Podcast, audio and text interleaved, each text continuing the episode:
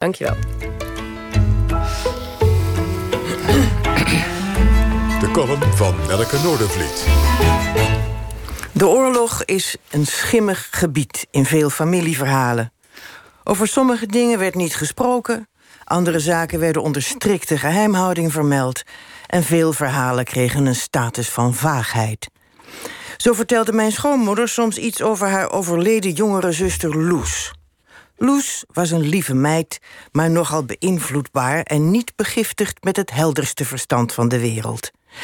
In de bezettingstijd was ze nog wel eens gecharmeerd geraakt van een Duitse soldaat, maar dat kon je de arme Loes eigenlijk niet kwalijk nemen.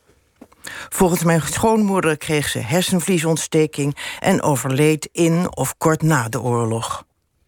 Mijn schoonmoeder stond erom bekend dat ze in haar enthousiasme de feiten soms verdraaide of verfraaide. Je moest wat ze zei altijd met een korrel zout nemen. Nu ging ik dus op zoek naar gegevens over Loes. Alle broers en zussen zijn inmiddels overleden. Ik zocht dus op diverse sites naar simpele feiten. Was ze overleden na 5 mei 1945? Was er bekend wat er met haar was gebeurd als eventuele moffenmeid? Zoeken is niet moeilijk, maar wat boven water komt is van dubieuze kwaliteit. Er ontbreken namen, data, er worden aantoonbare fouten gemaakt.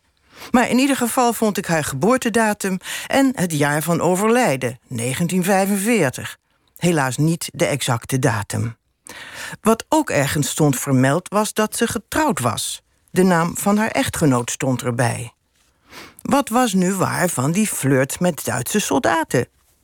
Ik zocht op de combinatie van haar naam en die van haar echtgenoot. En ja, de verloving van de twee op 16 januari 1944 werd bekendgemaakt in Volk en Vaderland, het weekblad van de Nationaal-Socialistische Beweging.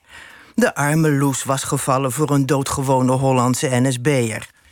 Nog even een kleine verdere exercitie naar de activiteiten van deze collaborateur leerde me dat hij agent was bij de politieke opsporingsdienst van de NSB die jacht op Joden maakte. Het zal hem na de bevrijding niet makkelijk zijn gemaakt. Maar als ik het relaas van mijn schoonmoeder goed interpreteer, dan moet de arme Loes wel een beetje worden vrijgepleit. De blinde woede van de Nederlanders, die heus niet allemaal vanaf dag één in het verzet zaten en soms bepaald wat boter op het hoofd hadden, is met instemming van velen wreed afgereageerd op meelopers van de bezetter. Zoals Ian Buruma schrijft in zijn boek over het jaar 1945. Wraak nemen is een manier om te verhullen dat je een slecht geweten hebt, omdat je niets hebt gedaan toen het gevaarlijk was. En nu pas krijgen langzamerhand de loesjes toegang tot ons mededogen. Goed, Nelke, dankjewel. De loesjes toegang tot ons mededogen. Ja, dat lijkt me verslagen terecht. We gaan in het tweede uur praten met Rianne van Oosterom... over haar boek Moffenmeiden. En ja, dan gaan we haar toch echt vragen... of er ook misschien loesjes tussen gezeten hebben. Dankjewel.